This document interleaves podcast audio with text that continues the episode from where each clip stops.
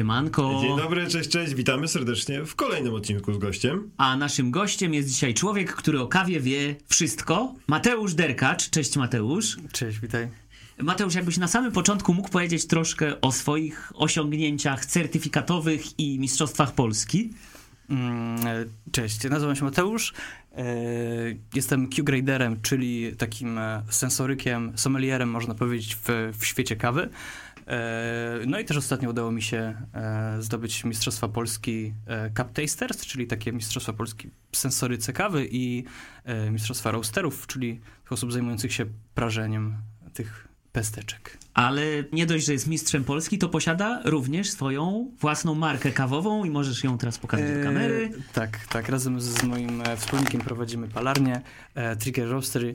Można nas znaleźć w różnych kawiarniach w całej Polsce, ale też na stronie Coffeedesku. Na razie pracujemy nad swoim sklepem. Na razie na, w Coffeedesku s- w internecie można śmiało. No, my wam tę kawkę podlinkujemy w opisie odcinka. Jeżeli ktoś będzie chciał sobie taką dobrą kawkę spróbować, my ją właśnie mamy i pijemy, no to możecie wejść tam na sklep i po prostu ją sobie kupić. Dokładnie tak, a my, słuchaj, no pierwsze pytanie tak naprawdę, co takiego jest w kawie, że właśnie z nią związałeś swoje życie zawodowe, nie tylko życie zawodowe, ale ogólnie po prostu swoje życie. Mhm. E, Kawa jest takim, w sensie jeżeli chodzi o dziedzinę, jeżeli chodzi o mm, właśnie taką tak, dziedzinę życia, e, jest bardzo, bardzo szeroką dziedziną, bo można się kawą zajmować za barem, można być baristą, można ją parzyć, można, można być też e, właśnie roasterem, zajmować się prażeniem tej kawy. E, Jeżeli ktoś lubi bardziej techniczne takie podejście do tego tematu, można być e, sensorykiem, czyli zajmować się na przykład ściąganiem odpowiedniej kawy, odpowiedniego surowca, wycenianiem tej kawy na podstawie jej smaku. E, Jeżeli ktoś lubi jakieś takie rzeczy związane z logistyką, może się też zajmować właśnie eksportem, importem. Mm, Jest to taka dziedzina, gdzie, gdzie zawsze można coś fajnego znaleźć, która się nie znudzi, a wiedza zdobyta w każdym z tych fragmentów e, tej wiedzy zawsze się przełoży i, i, i w, innym, e, w innym fragmencie będzie użyteczna, więc jest szeroka i można, można działać, można się A bawić. któraś z tych wymienionych dziedzin ciebie najbardziej jara? Czy wszystkie po trochu? Mm, Można powiedzieć, że wszystkie po trochu, natomiast e, no, obecnie, obecnie jestem roasterem. E, najbardziej, najbardziej się jaram właśnie sensoryką kawy, czyli em, tym e, sz- szukaniem nowych farm, e, znajdywaniem tych najbardziej ciekawych kaw, które potem mogę sobie wrzucić do oferty.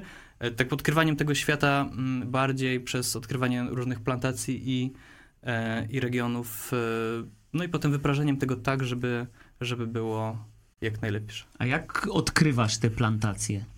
E, odkrywam je za pomocą, e, w sensie za pomocą, dzięki e, importerom. E, łapię kontakty z różnymi importerami, którzy zajmują się właśnie tym trudnym procesem kupienia kawy od farmera i przetransportowaniem tego do Europy, do magazynów. Oni mają swoje, mm, swoją ofertę, swoje zielone ziarna. Część importerów poznałem już przez to, że pracowałem w innej palarni.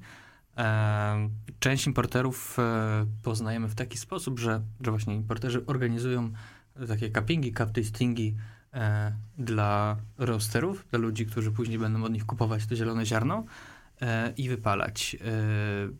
No i często na przykład ostatnio, ostatnio byłem w takim cuppingu z takim takiego importera Maratera właśnie z Hiszpanii, który przyjechał tutaj do nas do Polski zaprezentować swoją ofertę. No i dzięki temu właśnie poznajemy ich y, farmy, z którymi oni współpracują. E, Później mamy jakiś tam kontakt elektroniczny, później dochodzą do nas jakieś newslettery, gdzie, gdzie pokazują co nowego, jakie były zbiory. Możemy sobie właśnie zamówić te sample mm, i mamy takich swoich właśnie ulubionych y, importerów na konkretne e, kontynenty, na konkretne regiony. Mm, e, Jednym z takich naszych e, ulubionych importerów to jest 88 Grains. E, To jest taka firma kilkuosobowa, w, który, w której skład właśnie wchodzi między innymi Jola. Jola jest Polką, ma męża Raula, mieszka sobie w Gwatemali. I, I dzięki temu bardzo dobrze zna tamten rejon świata, więc, więc kawy z Gwatemali, z Hondurasu, z Kostaryki. Najczęściej właśnie mamy od Joli. E, Bardzo nam e, taka właśnie współpraca odpowiada, też dzięki temu, że e, jest to bardzo mm, bezpośrednia współpraca z farmerem, bo tak naprawdę między nami a, a farmerem jest, jest tak naprawdę ona, więc, więc ta współpraca jest super bezpośrednia. No i dzięki temu jest też bardziej etyczna. Wiemy, że, wiemy, że te kontakty, wiemy, że, że ta współpraca jest, że człowiek, człowiek się tam liczy, więc, więc to, jest też, to jest też ważne dla nas. Właśnie m, masz tutaj ze sobą takie sample, tak? Tak. Czyli taką zieloną kawę, nie, nie tak. paloną. Jakbyś mógł nam pokazać do kamery, bo to jest w ogóle cie, ciekawy obrazek, bo z reguły, no ogólnie cały czas widzimy y, ziarna brązowe, a tutaj y, możemy zobaczyć, Mateusz pokaże do kamery, jak one wyglądają przed, y, przed paleniem. Nie wiem, czy tu coś będzie widać. Wyżej, troszkę wyżej, wyżej. O, o, o, tak. o. To są takie zielone kuleczki, bardzo Tak, małe. tak, tak, tak. E, Kawa generalnie przy prażeniu, e, jej objętość dwukrotnie wzrasta, a jej gęstość dwukrotnie maleje.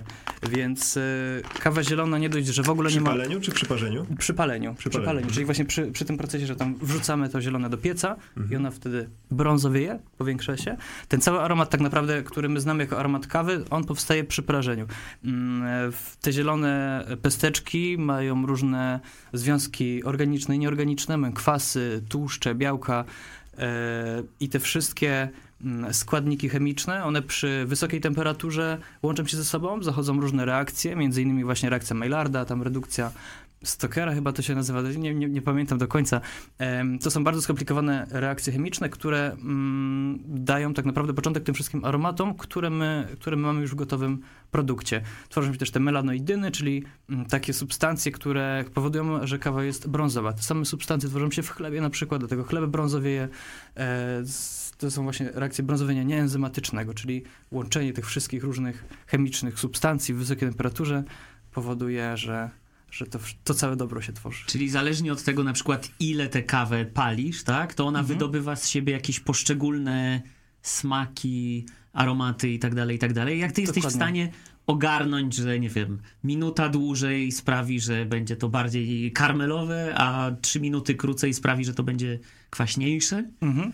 Dokładnie jest e, ba, bardzo, to co mówisz jest bardzo zbliżone z prawdą, czyli właśnie A. faktycznie, także im jest krótszy, krótszy roast, tym faktycznie kawa jest, ma większą kwasowość, im jest dłuższy, tym jest bardziej karmelowa, jak ten roast jest jeszcze dłuższy, to już zachodzą nam reakcje em, pirolizy, czyli już, e, już kawa zaczyna smakować takimi, taką, takim węglem, można powiedzieć, upraszczając.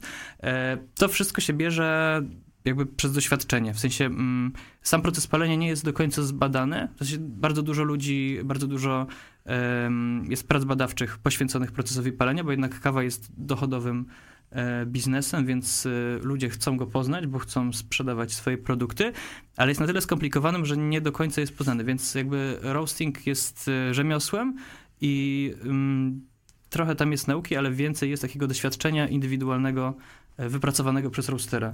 A powiedz, bo skoro mówisz, że kawa to są pieniądze, ja przygotowując się oglądałem taki dokument i tam padło takie zdanie, że kawa jest drugim najbardziej chodliwym towarem na świecie po ropie. Czy to prawda? Bardzo możliwe. Jest jednym właśnie z, z jednym z bardziej chodliwych towarów. E, Jest giełda kawy Arabiki w Nowym Jorku, giełda Robusty w Londynie.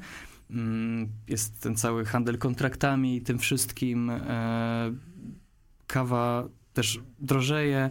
E, No i, i, i- generalnie tak, jest, jest, jest takim towarem, którego spożycie cały czas wzrasta, więc to też jest, e, to też jest e, oznaka tego, że, że staje się coraz bardziej popularny i w, nawet w krajach, w krajach e, rozwiniętych i rozwijających się cały czas, cały czas można zaobserwować, że, że ta konsumpcja jest e, coraz większa.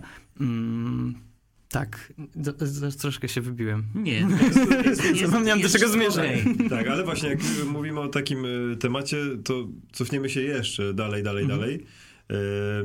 Skąd tak naprawdę się wzięła kawa? Jaka jest jej historia i dlaczego my ją tak naprawdę pijemy i dlaczego ludzkość się tak w niej zakochała? Mhm.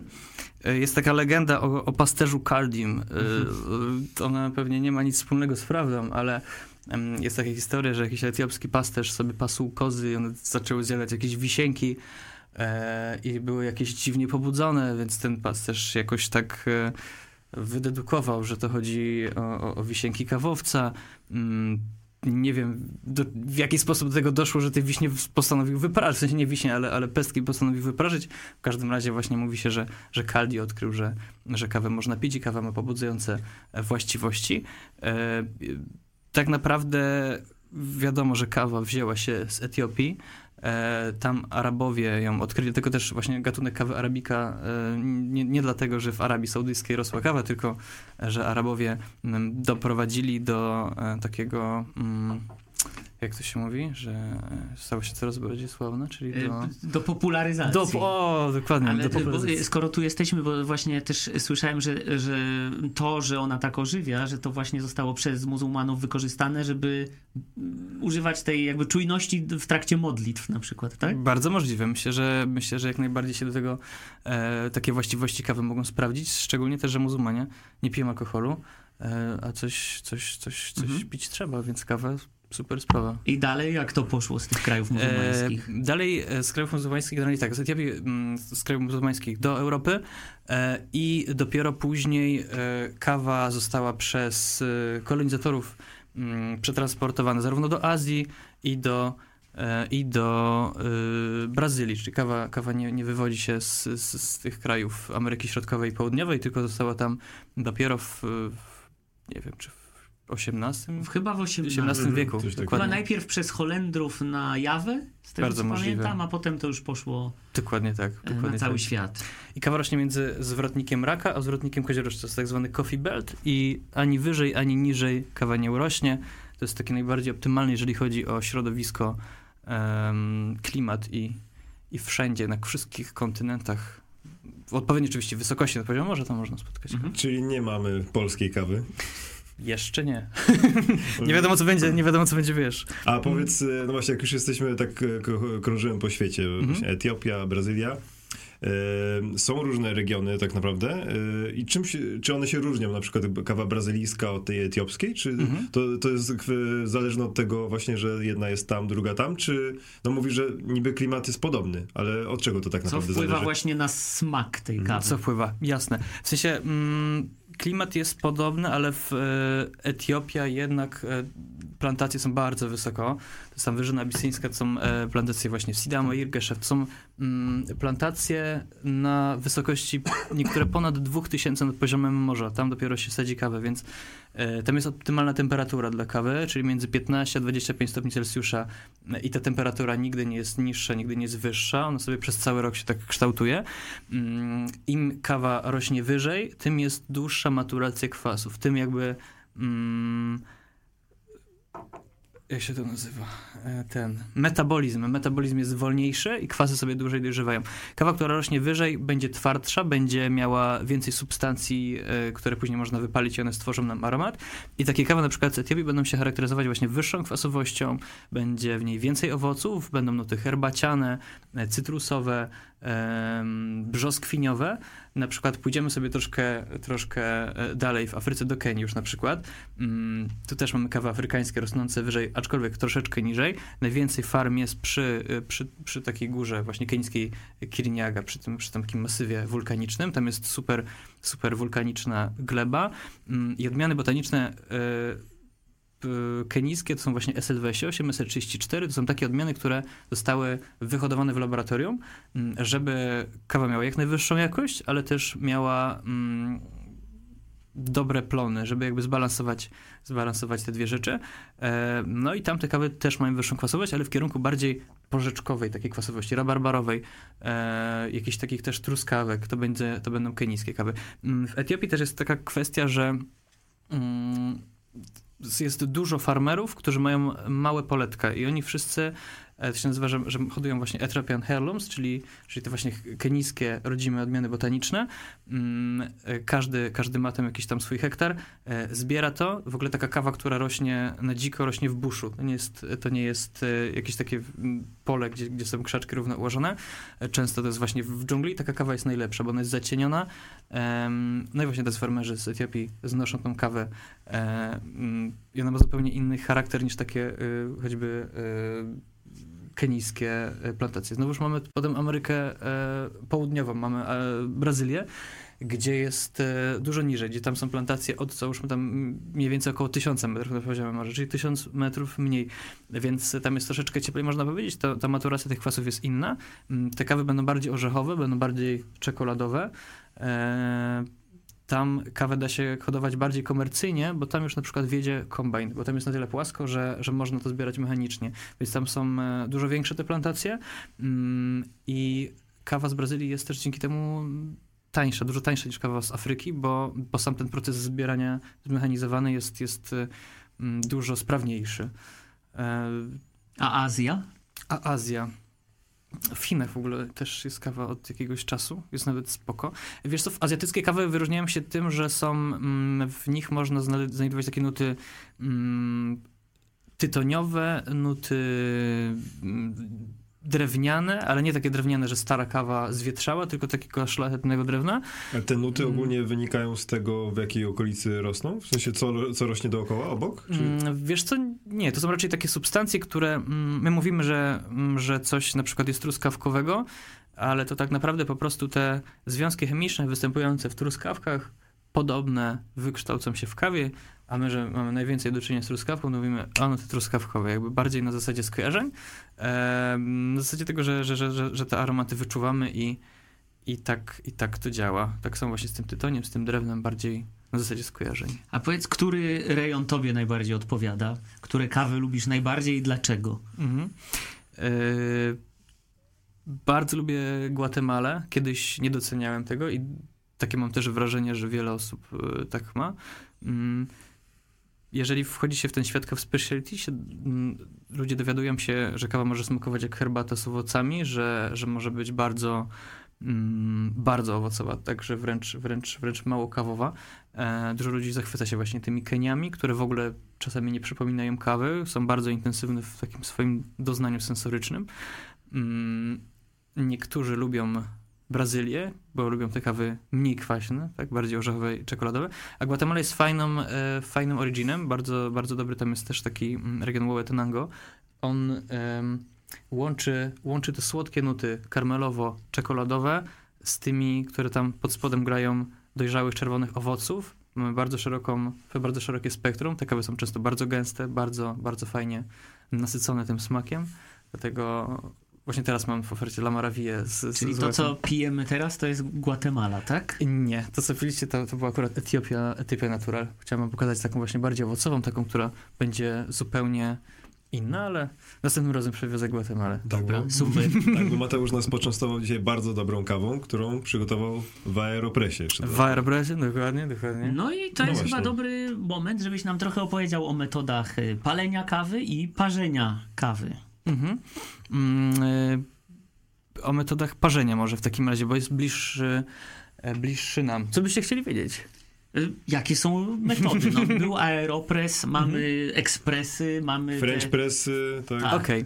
Okay. No tak, to, to, um, możemy sobie to tak bardziej usystematyzować. O co chodzi w ogóle w ekstrakcji? Um, o, w ogóle, od samego początku. Mamy ziarenko. Ziarenko składa się... To zielone. To, nie, nie, nie. Znaczy, już, już, już, już mamy to brązowe, to, to, brązowe. Które, to, które znamy z dnia codziennego.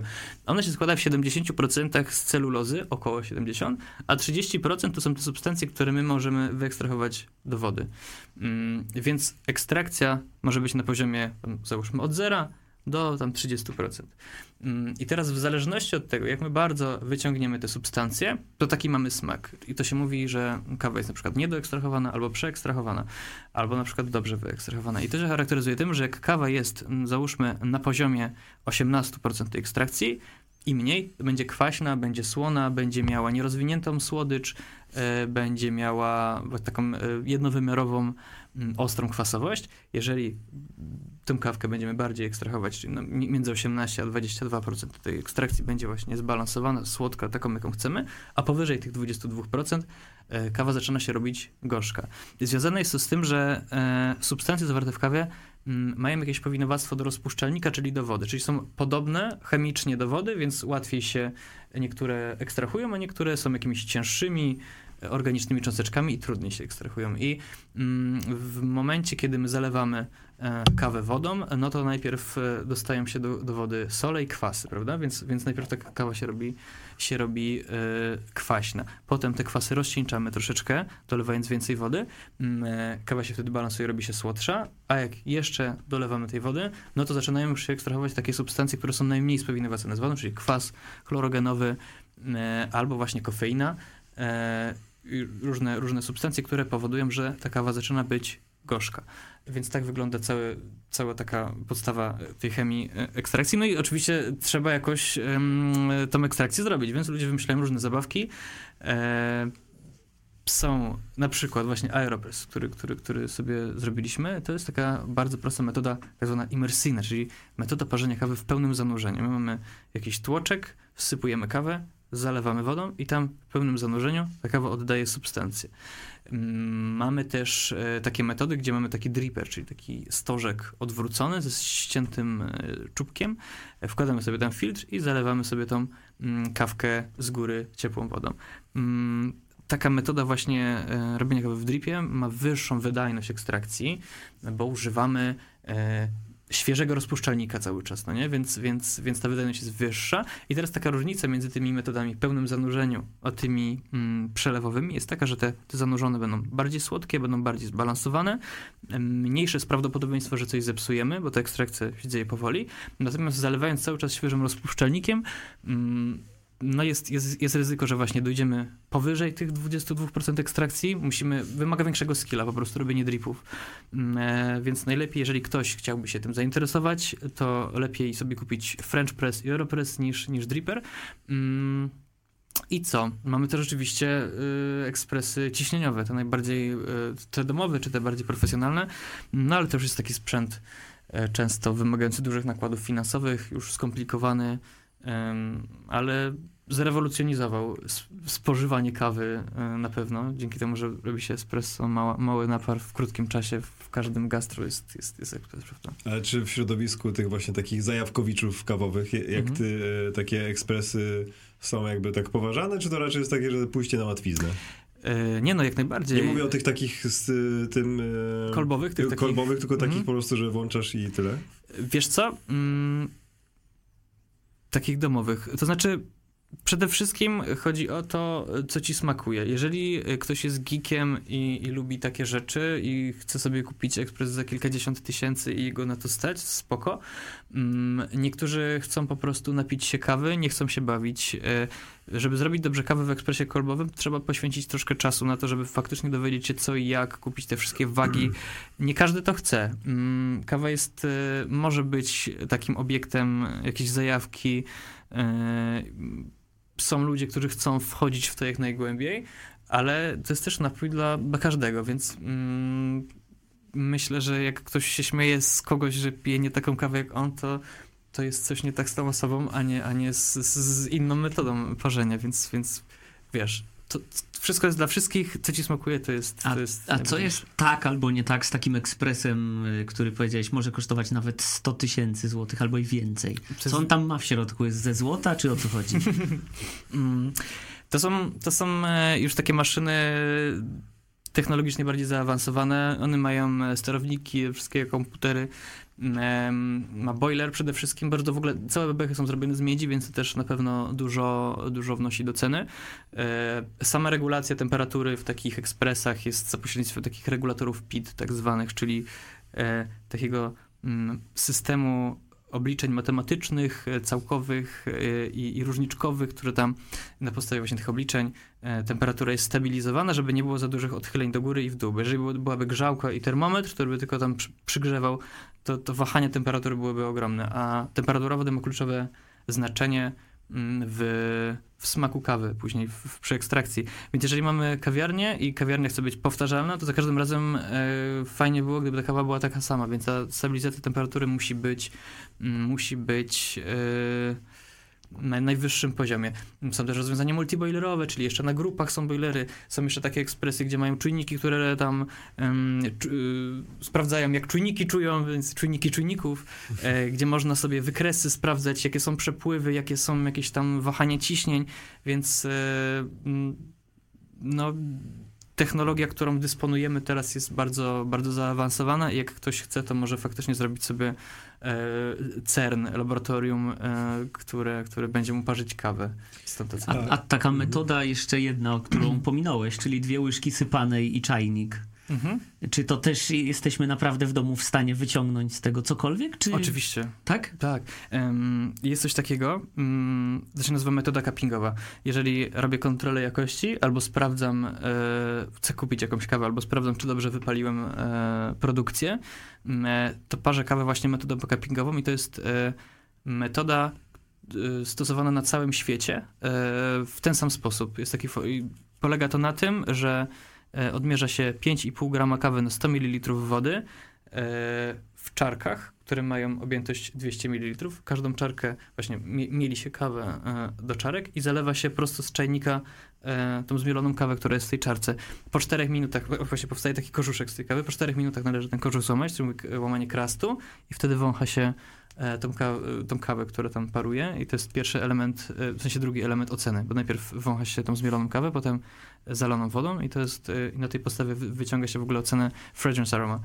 E, I, i, i, e, następnie oczyszcza się tą kawkę, mm, a po 8 minutach, tam 8, 8-10, żeby jak ona już jest e, wystygnięta ze specjalnych łyżek do cuppingu, e, czyli właśnie do tego cup tastingu, tą kawę się próbuje, tak siorbiąc tej łyżki, si- siorbiąc rozbryzguje się ciecz na całą jamę ustną, bo mamy kubki smakowe wszędzie, na języku, na podniebieniach, na dziąsłach, więc e, takie, takie rozbryźnięcie e, powoduje, że możemy tą kawę lepiej ocenić, bardziej, bardziej doświadczyć, więc taka metoda na, najbardziej na świecie profesjonalna to jest właśnie zalanie kawy po prostu w wodzie, w, w wodzie, wodą w, w kubku, w czarce, najprostsze. No to mówiliśmy o sposobach parzenia kawy, a jak Mhm. w ogóle przebiega proces spalenia kawy?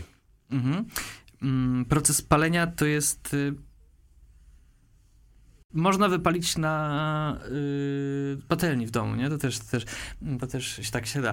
E, ale taki bardziej, e, taki jak, jak my to robimy, to te, nam też zależy na tym, żeby to było powtarzalne, żeby nie było to loteria, żebyśmy zawsze e, mogli dawać naszym klientom kawę tak samo dobrą. Mm, urządzenie do palenia kawy to jest piec. On e, jest, wygląda jak takie połączenie pralki z kuchenką e, gazową. Czyli też ma bęben, który się obraca, pod tym bębenem są palniki. E, ten piec jest połączony e, z komputerem. Na komputerze widzę wykresy, widzę mm, temperaturę e, sondy, która jest włożona w ziarna, czyli bean temperature. Widzę e, temperaturę e, spalin, czyli jakby tego gorącego powietrza, które już oddało ciepło e, do kawy, więc mam dwa wykresy temperatur i mam też tak zwane rory, czyli rate of rise, czyli jakby mm, stan energetyczny, czyli w e, ile stopni wzrasta temperatura przez 60 sekund. Ja widzę ten wykres, e, ROR właśnie egzostu, ROR bean temperature i mam w sumie takie cztery, cztery krzywe. Do tego e, mogę dostosować obroty bębna, mogę dostosować procenty ognia w palniku, e, airflow. E, no i dzięki temu, że mogę operować tymi wszystkimi e, wartościami, mogę stworzyć profil, czyli właśnie wykres e, wzrastania temperatury, odpowiedni dla każdego ziarna, do tego, jaki chcę uzyskać kolor wypału, jaki chcę uzyskać smaki. Więc wszystko się dzieje tak naprawdę na, śledzę na, śledzę na tym, na, na ekranie tak naprawdę szlaczki i, i, i patrzę, żeby tak samo przebiegały. Czyli taki piec to też pewnie jest dosyć droga impreza. Mm, no, nie najtańsza. Tak mniej więcej. Mówimy o dziesiątkach, Mm. setkach. Wiesz co, no taki na przykład nowy, e, nowy taki, takiej lepszej marki piec e, na nasze potrzeby, czyli nie jakiś komercyjny, nie jakiś przemysłowy, bo są też takie ogromne, które tam pod, pod tonę potrafią palić kawę, ale to, to, nie, to nie jest jakby nasza, nasza branża. Taki 12-kilowy, e, nowy gazowy kosztuje ponad 30 tysięcy dolarów, znaczy euro, tak.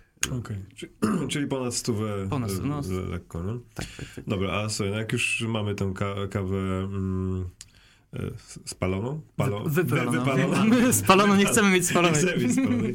Wypaloną, mamy ją za, e, jeszcze nie zaparzoną, bo Mhm. e, słyszałem, że są w zależności od tego, jak parzymy, to Mhm. są różne stop, stopnie zmielenia. Są. tak, I jakbyś mógł powiedzieć co nieco, jak to wygląda, jakie to ma znaczenie tak naprawdę. kluczowe. Jak wszystko. Mówi się o tym, że y, są trzy tak naprawdę najważniejsze rzeczy w parzeniu kawy. Czyli to jest y, młynek, woda i ziarno.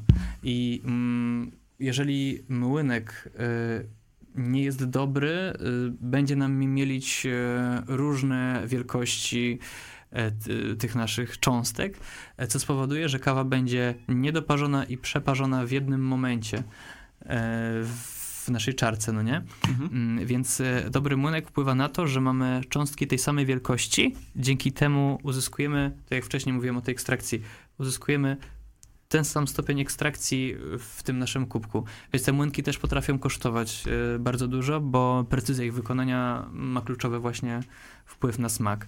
Mm, Woda jest bardzo ważna, bo woda, bo kawa jest tam ponad 98% e, wodą, więc jeżeli mamy zbyt mineralną, e, to możemy mieć taką ciężką kawę, taką talkową. Kwasy mogą być całkowicie z, zneutralizowane i, i, i dostajemy taki nudny napar. Jeżeli woda ma za mało minerałów, to ekstrakcja nam nie przebiegnie tak jak trzeba, bo się okazuje, że minerały, te jony wapnia i magnezu, e, sodu i potasu również wpływają aktywnie na ekstrakcję, mm, wyciągając z kawy e, wszystkie elementy, wszystkie właśnie kwasy i inne rzeczy, które chcemy mieć w tym naszym kubku. A są jakieś miejsca w takim razie, jakieś kawiarnie, że już wiem, tak, mają młynki, ekspresy, ziarno, że nie wiem, ściągają specjalną wodę albo nie biorą takiej zwykłej kranówy? Mhm, no. Mm, Generalnie e, we wszystkich dobrych kawiarniach Polsce, mówimy o Polsce, no w sensie no generalnie wszędzie, ale, ale zajmijmy się teraz Polską, e, jest e, najczęściej używana odwrócona osmoza, e, system odwróconej osmozy z, z bypassem, czyli czyścimy sobie wodę do zera, a potem bypassem puszczamy wodę kranową, uzyskując konkretną ilość tak zwanych ppm, part per million, czyli naszej mineralizacji. I teraz w kawie to jest tak optymalnie około 120-130 tych ppm-ów. No i w, w kawiarniach stosuje się najczęściej coś takiego. W bardziej geekowych kawiarniach mm, mamy coś takiego, że czyścimy wodę do zera odwróconą osmozą i dodajemy nie bypassem minerały, tylko mamy butlę mm, z wodą o konkretnym składzie chemicznym i dodajemy te konkretne minerały w konkretnych ilościach i dopiero na tym parzymy kawę. I tak jest na przykład w, w dobrej materii e, w Warszawie. Na... A nie wymieniając nazw sieciówek, w sieciówkach też jakoś tę wodę dostosowują do tego? Mm, Czy tam leci po prostu warszawska kranowa i tyle? Wiesz co, nie, raczej nie kranowa, tam pewnie leci w jakimś filtrze BWT, czy jakimś tam prostszym, bo mm, w sensie ta woda pewnie nie jest jakoś tak monitorowana, ale sam sprzęt gastronomiczny mógłby mega ucierpieć na, na tym, jakby tak e, leciała taka woda prosto z ujęcia, mm, e, bo jednak e, są bojlery, które, które tam mogą zajść tym kamieniem kotłowym, więc od jakichś takich prostych filtrów po właśnie te systemy odwróconej osmozy z mineralizacją na takiej skali operujemy tutaj i to jest jak najbardziej e, w sensie dostępne, no, że, że, że pójdziemy do, do lepszej kawiarni, to, to w dużym prawdopodobieństwem jest tam system odwróconej osmozy. W ogóle nasza ulubiona lampka znowu zgasła, nie? Zauważyłeś? Nie. A, no właśnie, Mhm. nasza, nasza lampka czasem lubi świecić, czasem lubi się wyłączać. Już To zadaj kolejne pytanie, a ja w tym czasie Spróbuję. Dobra, słuchaj, no jak... e, No spróbuję włączyć sobie. Dobrze, proszę pana. O. E, o. E, no słuchaj, no to jak już mamy właśnie z, niespaloną, wypaloną, wypaloną, e, zaparzoną, mm, czy podobnie na przykład jak, e, bo mówiłeś, że jesteś kimś w rodzaju sommeliera od, od kawy, Mhm. czy jest też coś takiego jak w przypadku właśnie win, że dane wino poleca się do danego posiłku, do danej potrawy? Czy jest też coś takiego z kawą, że poleca się kawę w, pod kątem danego rodzaju potrawy, czy danego rodzaju deseru? Wiesz co, nigdy się nie spotkałem z czymś takim, mm, w sensie nie spotkałem się z jakimiś takimi e, zasadami ogólnymi, obiektywnymi, e, że coś tam jest do czegoś. Mm, jak to jest z kawą? E, kawa na przykład różni się od wina tym, że, że jest bardziej delikatna. W sensie można, można zauważyć, że jest taka tendencja właśnie w drugą stronę trochę, nie? Dostajesz espresso, do niego wodę, żeby sobie oczyścić paletę ze wszystkiego, co tam jadłeś w danym momencie i żebyś mógł w pełni e, jakby nasycić swoje kubki smakowe właśnie, właśnie tą kawą. Mm, więc e, samego takiego łączenia jedzenia z kawą, no nie, nie, nie mówię, że nie ma, bo też nie wiem wszystkiego na świecie, ale nie spotkałem się nigdy z czymś takim. Mm, e, chodzi mi o takie dostosowywanie właśnie, że konkretnego rodzaju kawy, gatunków pod konkretne jakieś smaki, to tego, tego nie, nie, nie doświadczyłem. Natomiast y, na pewno mm, ze swojego punktu, jakiegoś tam widzenia, swojego doświadczenia, ja lubię na przykład cappuccino do sernika, nie? I to jest dla mnie super. To nie chodzi o jakąś konkretną kawę, konkretną e, odmianę botaniczną, ale taka ilość espresso z mlekiem w małej porcji z serniczkiem, no super, nie? Jakby to, to się łączy. To jest... Rano na przykład lubię sobie kawę przelewową e, wypić z odrobiną mleka owsianego i to jest wtedy taki napój, który e, nie powoduje, że myślę nad tym, czy to jest zbalansowane, czy nie, czy jest słodkie, czy, czy jest dobrze wypalone, nie zastanawiam się nad defektami, czy ten, tylko po prostu mam kawę z mlekiem, ciepły, ciepły, fajny, taki mleczny, e, lekko sycący napój, który fajnie pasuje do śniadanka, więc bardziej, bardziej spotkałem się z takimi osobistymi preferencjami, co komu, gdzie, jak, niż jakimiś zasadami. A właśnie jeśli chodzi o mleko, bo wywołałeś temat e, mleka, Mhm. no dzisiaj mamy różne, tak? Bo już tak Mhm. naprawdę ludzie często odchodzą od zwykłego krowiego, mam owsiane, kokosowe. E, Czy to ma też jakieś znaczenie dla samej kawy, czy to już jest kwestia tylko i wyłącznie preferencji smakowych danego, danej osoby? Mhm. Wiesz co, e, jeżeli chodzi o taką kwestię techniczną bardziej, czyli baristyczną, niektóre mleka się lepiej pienią, niektóre mniej. E, to nie tylko wpływa na to, że można nim potem coś tam narysować i ta kawa jest atrakcyjniejsza pod względem takim wizualnym, można sobie strzelić fotkę i dać e, na Instagrama, tylko e, tu chodzi też o jakby taką fakturę, teksturę tego napoju. Jeżeli jest dobrze spienione, mm, to tak naprawdę ta tekstura jest w całej objętości napoju i, i my pijemy taką mikropiankę, no nie, pijąc to cappuccino, w sensie, że, że, że, że ta pianka jest po, po całej objętości, nie tylko na górze. Jeżeli mamy jakieś mleka roślinne, które nie zawierają odpowiedniej ilości białek, e, no to nam się taka struktura nie utworzy. Natomiast e, no to tak z kwestii technicznej, ale to jest, to jest totalnie, wiesz, e, totalnie e, preferencje, nie? Co lubisz. Jeżeli, ktoś może nie lubić, że jest spienione, nie? Więc, więc as, as wish, nie? A mówisz do serniczka kawataka, Mhm. po, po obudzeniu się kawataka. Ile pijesz dziennie kaw? I druga część tego pytania, jak to wpływa na twoje zdrowie i w ogóle jak kawa wpływa na nasze zdrowie? Okej. I czy wpływa? I czy wpływa? No, wszystko wpływa w jakimś stopniu. E, kiedyś piłem dużo więcej, e, teraz trochę mniej. Teraz e, przy tych wszystkich degustacjach najczęściej mam taką spluwkę i sobie wypływam, bo, bo, bo czasami na przykład muszę skosztować 30, 60, załóżmy różnych czarek, więc jakbym to pił, to bym, e, nie wiem, gdzie się znalazł. Na pewno nie tutaj. w każdym razie mm, e, kiedyś piłem dużo, szczególnie jak właśnie pracowałem za barem, byłem baristą.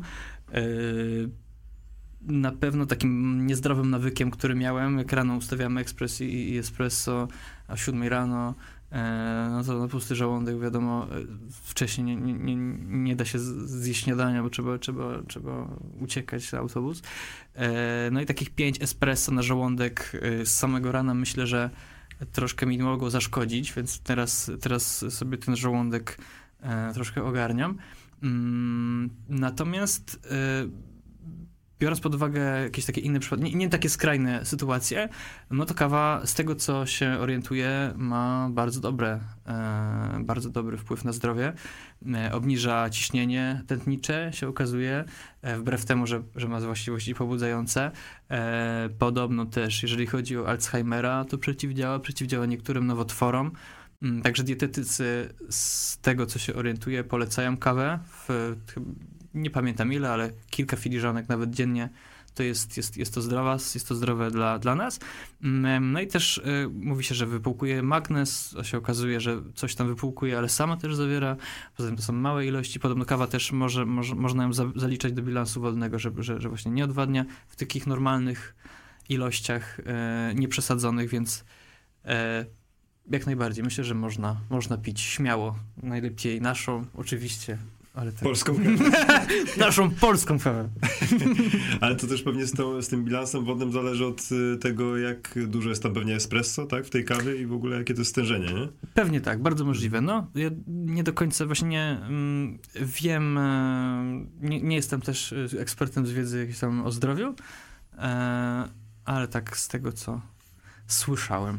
A wspominałeś właśnie, że czasem masz te degustacje i że no, właśnie wypluwasz e, tę kawę. Mhm. A czy istnieje, tak znowu nawiązując do tematu sommel, sommelier, sommelierskiego Mhm. z winami, czy jest coś takiego jak e, degustacje takie dla ludzi, takie jakieś organizowane, że ludzie właśnie Mhm. sobie degustują kawę, tak jak degustują wino, czy jakieś różne inne, różne alko- alkohole? Jasne. Yy, oczywiście, że tak. Yy, I w ogóle fajnie, fajnie sobie na coś takiego pójść, jeżeli yy, zaczynamy się interesować kawą.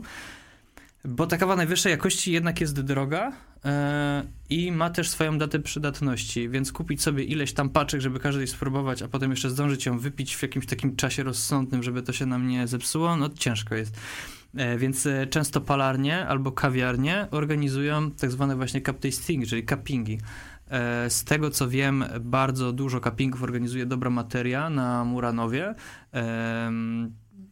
Należy, na- znaczy najlepiej śledzić w ogóle Instagram albo jakieś media społecznościowe kawiarni i palarni Mm, i takie, i takie właśnie wydarzenia są organizowane i w Warszawie, w ogóle w Polsce.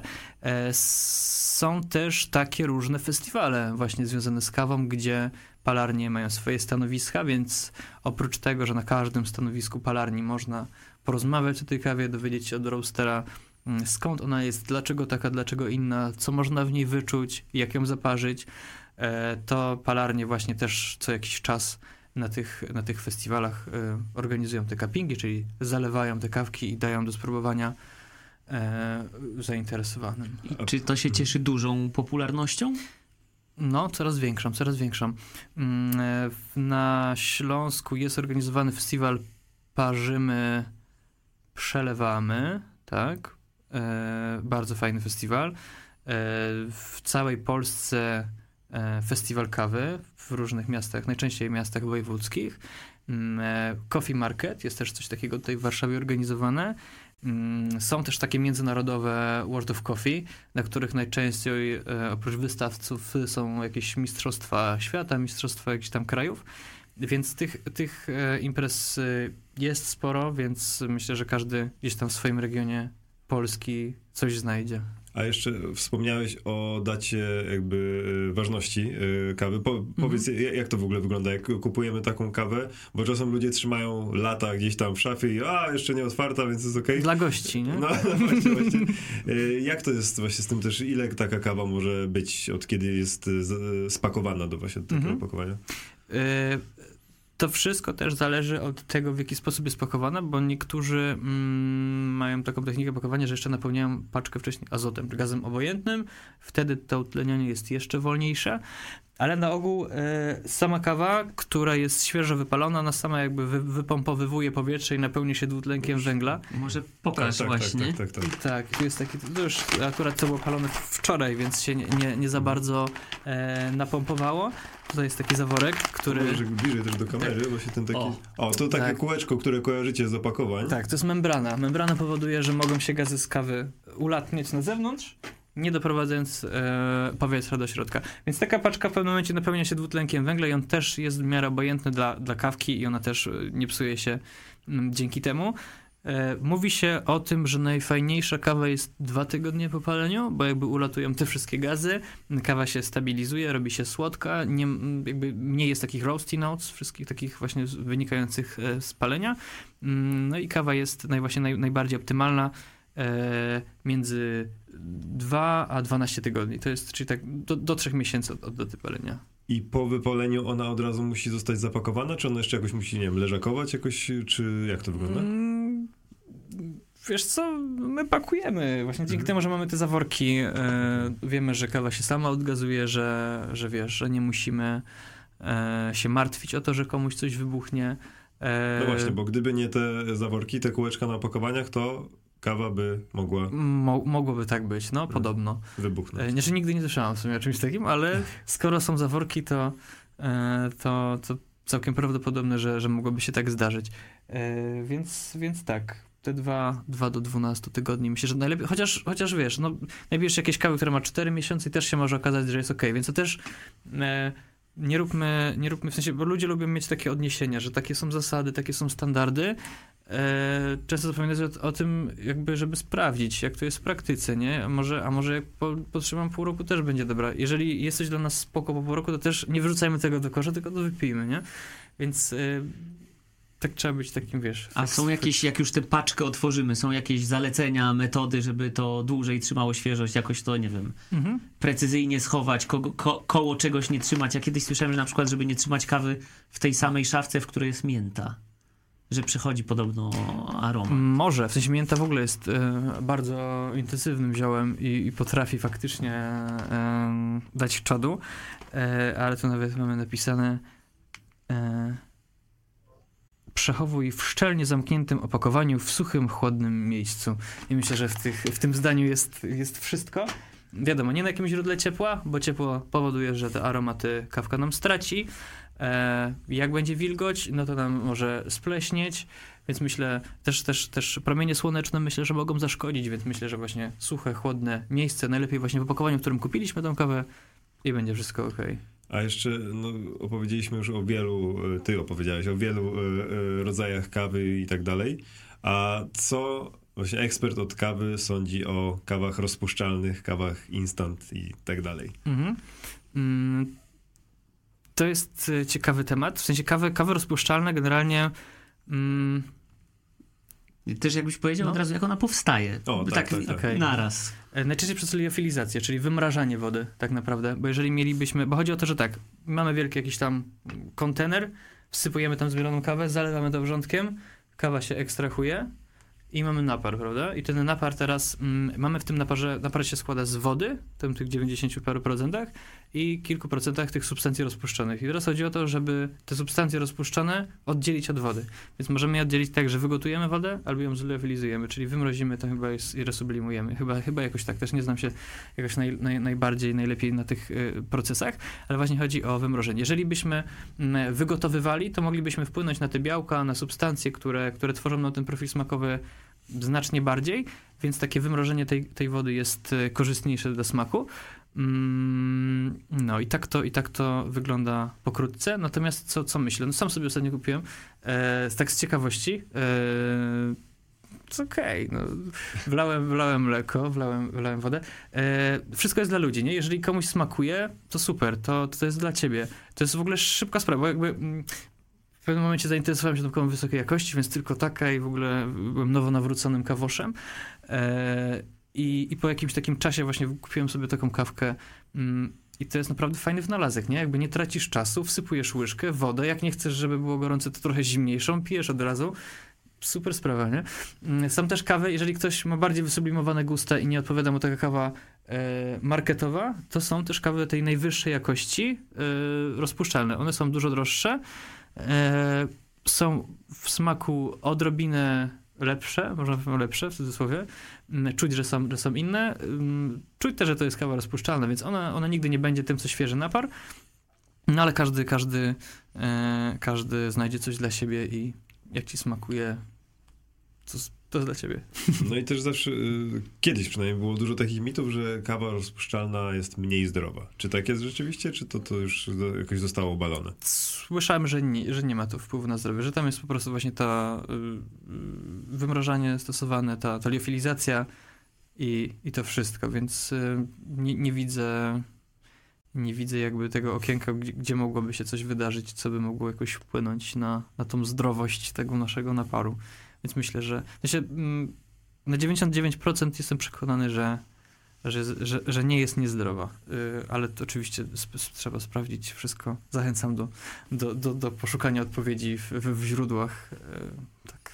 Słuchaj, jak y, już wspomniałem o tym dokumencie w, w którymś momencie naszej rozmowy, Mhm. który obejrzałem, i tam padło takie stwierdzenie, że kiedy kawa już dotarła do Londynu, ludzie tam na miejscu łoili alkohol, bo woda była brudna, w związku z tym choroby i tak dalej, i tak dalej. I w momencie, w którym się pojawiła kawa, to to brytyjskie społeczeństwo stało się bardziej trzeźwe, jeszcze trochę podkręcone energetycznie y, przez tę kawę. I to jest moment, w którym się narodził kapitalizm, rozwinęła się gospodarka i tak dalej, i tak dalej. Czy myślisz, że ona właśnie ma taki duży wpływ nie tylko na nas, ale też w ogóle na całe społeczeństwo, dlatego ona jest taka popularna, że się spotykamy z kimś na kawę, a nie na herbatę zazwyczaj. Mhm. No tak, dokładnie. Nie, tak jak mówisz, właśnie kawa jest, kawa jest takim napojem e, kapitalizmu, nie? Mm, Mamy ekspresy ciśnieniowe, które szybko zrobią kawę, można ją zgarnąć w drodze do pracy. E, herbaty, jak chcesz zrobić, nie wiem, jakąś ceremonią, gong fu cha czy coś, no to, to nie, to nie zrobisz tego szybko, no nie? To jest, e, to jest coś, czemu musisz, wiesz, na spokojnie usiąść i, i zajmować się tylko tym, a kawa jest ciach. Strykniesz i masz kawę. Mm, Kawa jest też taką, wiesz, e, mm, jest napojem, który ma wyrazisty, intensywny smak, więc dostarcza nam tych bodźców, które chcemy od czegoś, co spożywamy, czyli żeby, żebyśmy mieli to wrażenie jakieś tam sensoryczne. E, Jednocześnie nie jest alkoholem, czyli możemy to spożywać w trakcie dnia. Nie zaburzy nam to naszego rytmu, nie, nie, nie wy, wyprowadzi nas nagle z tego, z tego objętego toru, trajektorii. E, pobudza, więc e, jesteśmy bardziej skupieni, szybsi. E, no idealnie się wpisuje w te takie, w te takie w, w ten kapitalistyczny świat. Więc, więc stąd ta popularność pewnie i stąd, i stąd taka, takie zainteresowanie kawą niesłabnące, wręcz em, rosnące. No i mamy nadzieję, że będzie rosła ta popularność i że będzie rosła popularność twojej kawy. Możesz jeszcze pokazać właśnie opakowanie e, swojej kawy. Namawiamy do kupowania. Nie Tak. jest to współpraca, nie jest to sponsoring. Nie. A link macie w opisie, Tak, tak, więc tak, jak tak. ktoś chce sobie Wspieramy. zakupić, to wspieramy takie inicjatywy. Tak, tak, A jeżeli tak. chodzi o wsparcie i kawę, to pamiętajcie, że my Dokładnie. mamy również serwis buycoffee.to łamane na wiesz o tym. Tam możecie możecie tam nas nas wesprzeć. wesprzeć wirtualną kawką. Też jest bardzo smaczna, nam bardzo smakuje. E, wam też może zasmakować, namawiamy do tego i subskrybujcie nas na Spotify'u, na YouTubie, na Instagramie, wszędzie, wszędzie, wszędzie. I dziękujemy ci bardzo, Mateuszu. I ja za- bardzo dziękuję. To za- było mega ciekawe. tak. Zaczęliśmy od kawy, skończyliśmy na kapitalizmie. A teraz skończymy odcinek i pójdziemy napić się kawy. A buycoffee.to to też jest takie połączenie kawy i kapitalizmu, nie? Mm. Tak, Kawa i Zdecydowanie. pieniądze, tak, tak, tak. Więc y, bądźcie kapitalistami i kawoszami i I Bardzo- młodymi przedsiębiorcami i wspierajmy Dokładnie młodych przedsiębiorców Dokładnie. i Bardzo, pasjonatów. tak jest. Bardzo dziękuję. Dzięki za zaproszenie. Dziękujemy wielkie i cześć, do zobaczenia w następnych odcinkach.